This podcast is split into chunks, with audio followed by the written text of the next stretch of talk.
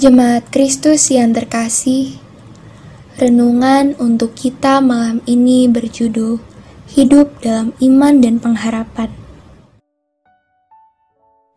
Dan bacaan kita diambil dari kitab Matius pasal 7 ayat 7 sampai 11. Beginilah firman Tuhan.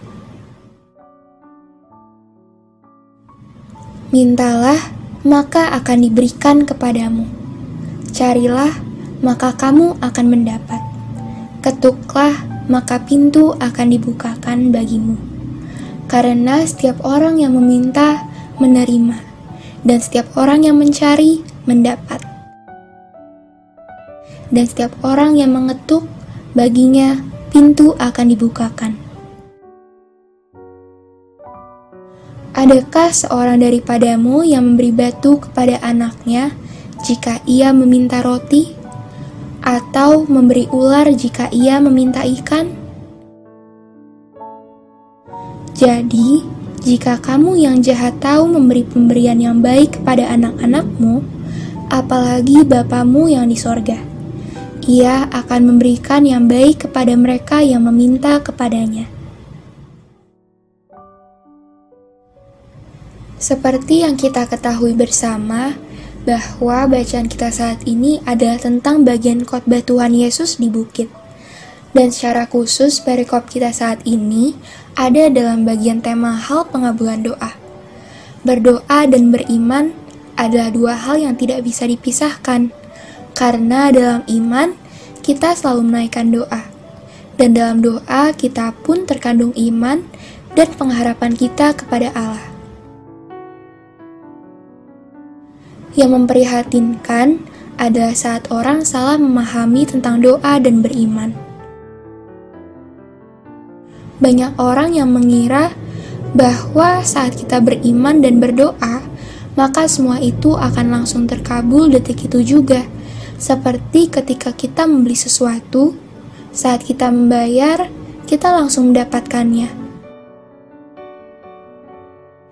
Kita perlu memahami, di sinilah pentingnya iman dan pengharapan dalam setiap doa kita.